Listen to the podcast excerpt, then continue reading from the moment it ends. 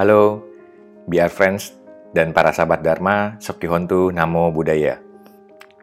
Thank you buat teman-teman BR yang sudah memberikan kesempatan buat saya untuk sharing di podcast Budi Sribon. Perkenalkan, nama gue Friendly Salim. Oke, tema kita hari ini yaitu Minimalist Life and Buddhism. Gaya hidup minimalis ini mulai booming ya. Tapi yang jelas di tahun 2008, saat terjadi krisis besar-besaran di Amerika, banyak warganya terkena PHK, terjadi resesi di situ, mereka mulai menjalankan kehidupan minimalis, yaitu mulai berhemat, mengseleksi antara kebutuhan dan keinginan. Lalu, kenapa kita kaitkan dengan Buddhism?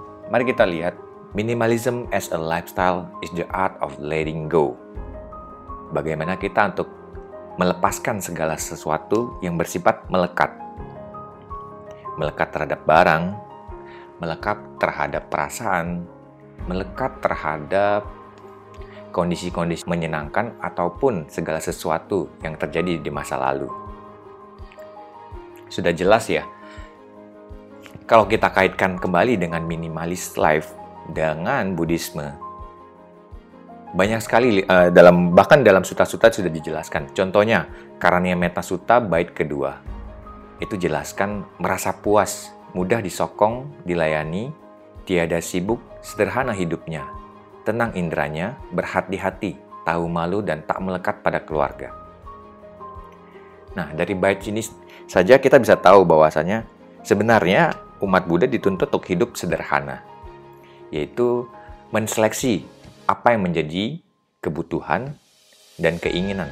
Karena kita bingung uh, membedakan yang mana sih keinginan dan yang mana sih kebutuhan. Justru karena kita sekarang di masa pandemi, apalagi di kondisi Indonesia masuk ke dalam resesi, minimalis lifestyle ini sangat cocok buat kita aplikasikan dalam kehidupan ya. Berikutnya dari minimalis lifestyle ini, decluttering lifestyle. Yaitu kita menghindari impulsif buying. Apa sih impulsif buying itu?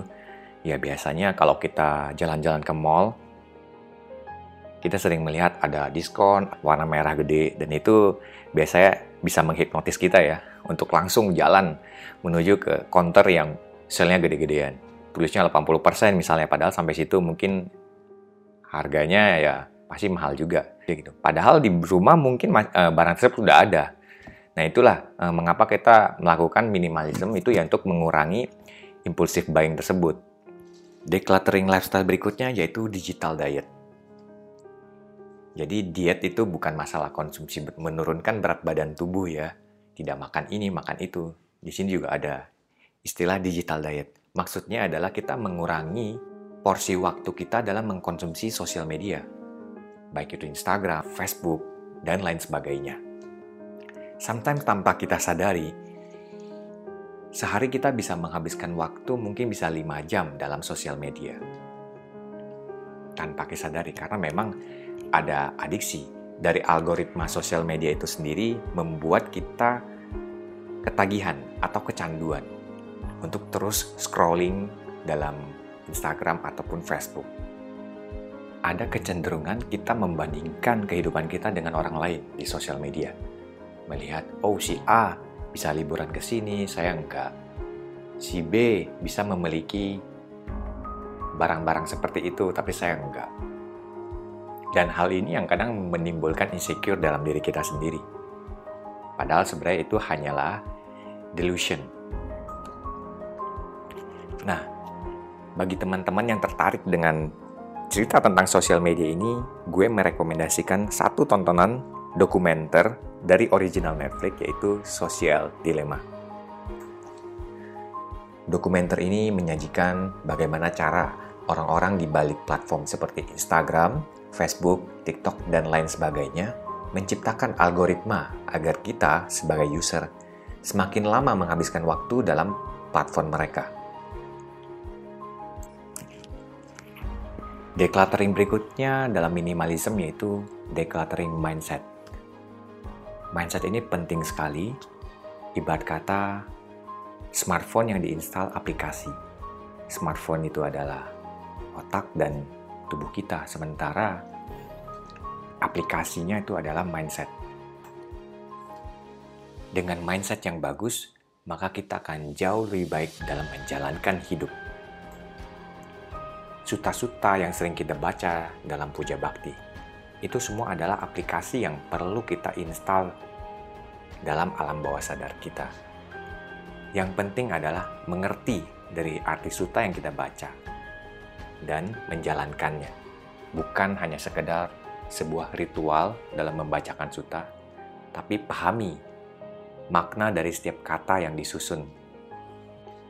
Oke, baik. Mindset pertama yang untuk mendukung minimalist life yaitu bersyukur. Ini juga dijelaskan dalam Manggala Sutta, yaitu merasa puas dengan yang dimiliki. Salah satu presenter terkenal, Oprah Winfrey, mengatakan, Be thankful for what you have. You will end up having more. If you concentrate on what you don't have, you will never ever have enough. Pasti kita semua pengen hidup bahagia. Ya, satu salah satu syarat hidup bahagia yaitu rasa bersyukur dikurangi keinginan. Apabila keinginan kita lebih tinggi dari rasa syukur, maka hasilnya kita akan merasa kurang bahagia. Karena kita fokus pada keinginan yang belum terpenuhi. Sementara apabila kita memiliki rasa syukur yang lebih tinggi daripada keinginan kita, maka kita akan lebih mensyukuri atas hal-hal yang sudah kita miliki. Berikutnya decluttering mindset yang gue rangkum yaitu berasal dari Abinha Pacawekana Pata yang berbunyi segala milikku yang kucintai dan kusenangi wajar berubah, wajar terpisah dariku. Ini adalah salah satu bentuk pengertian tentang anicca, bahwa segala sesuatu yang sudah terjadi telah berlalu. Ini kita pahami agar tidak terlalu melekat dengan pengalaman tersebut. Mungkin pengalaman pahit yang terjadi di masa lalu, ataupun pengalaman indah, rasa-rasa indah yang terjadi di masa lalu. Kita harus bisa melepaskannya.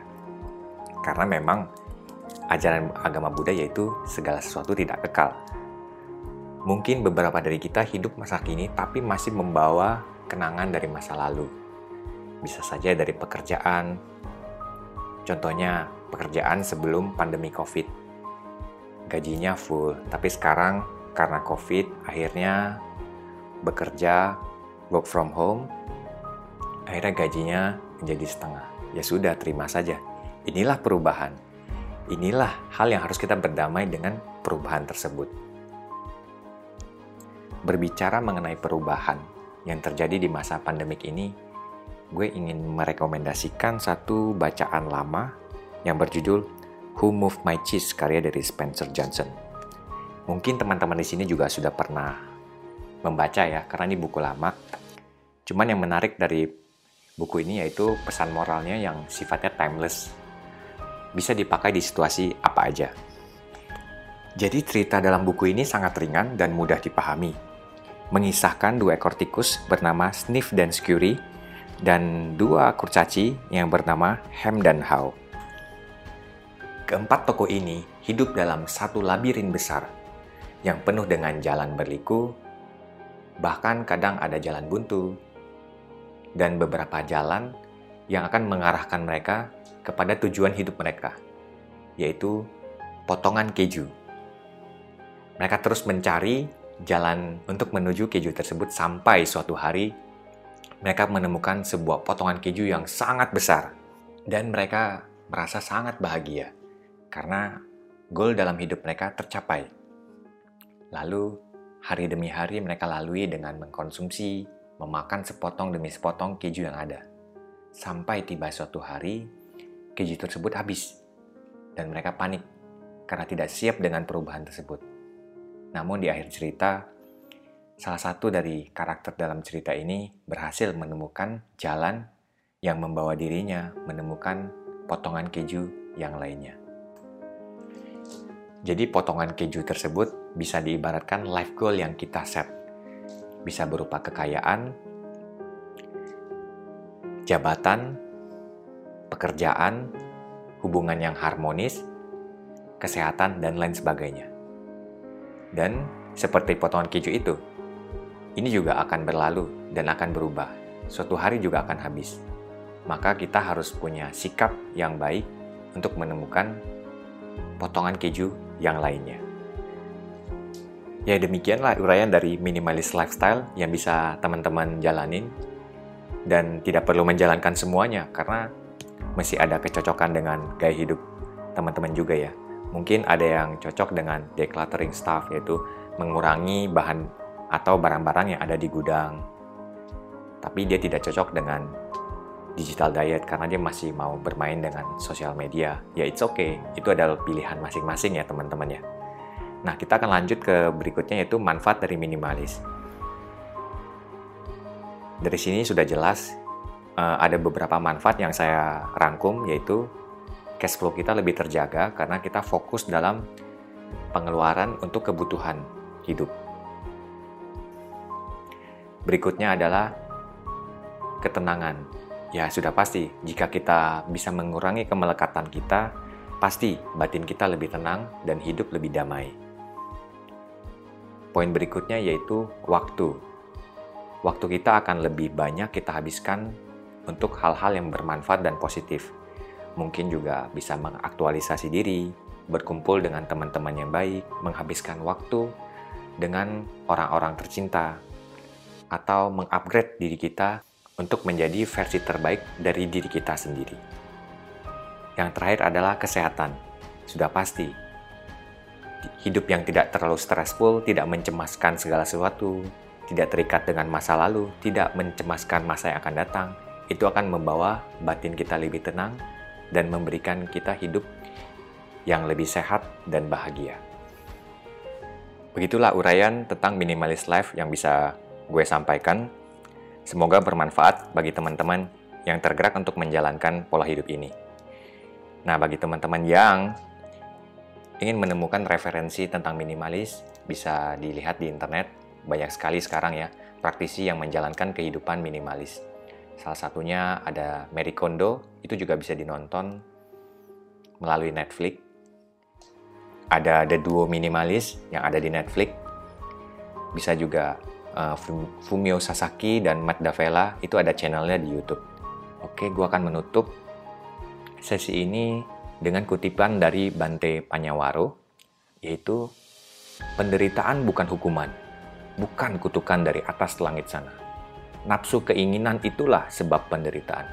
Kalau Anda ingin mengurangi penderitaan, nafsu itu harus dikurangi. Keinginan itu harus diseleksi. Tidak ada jalan lain. Sekian sharing podcast dari saya. Terima kasih buat BR Friend yang sudah meluangkan waktu untuk mendengarkan podcast saya kali ini. Semoga ini memberikan insight-insight baru, menambah pengetahuan, dan menambah kebijaksanaan bagi kita semua. Semoga kita semua sehat, tetap bermaskeran di masa pandemi COVID dan jauhi kerumunan. Saya Friendly Salim, mohon pamit. Terima kasih, Soki Hontu, Namo Buddhaya.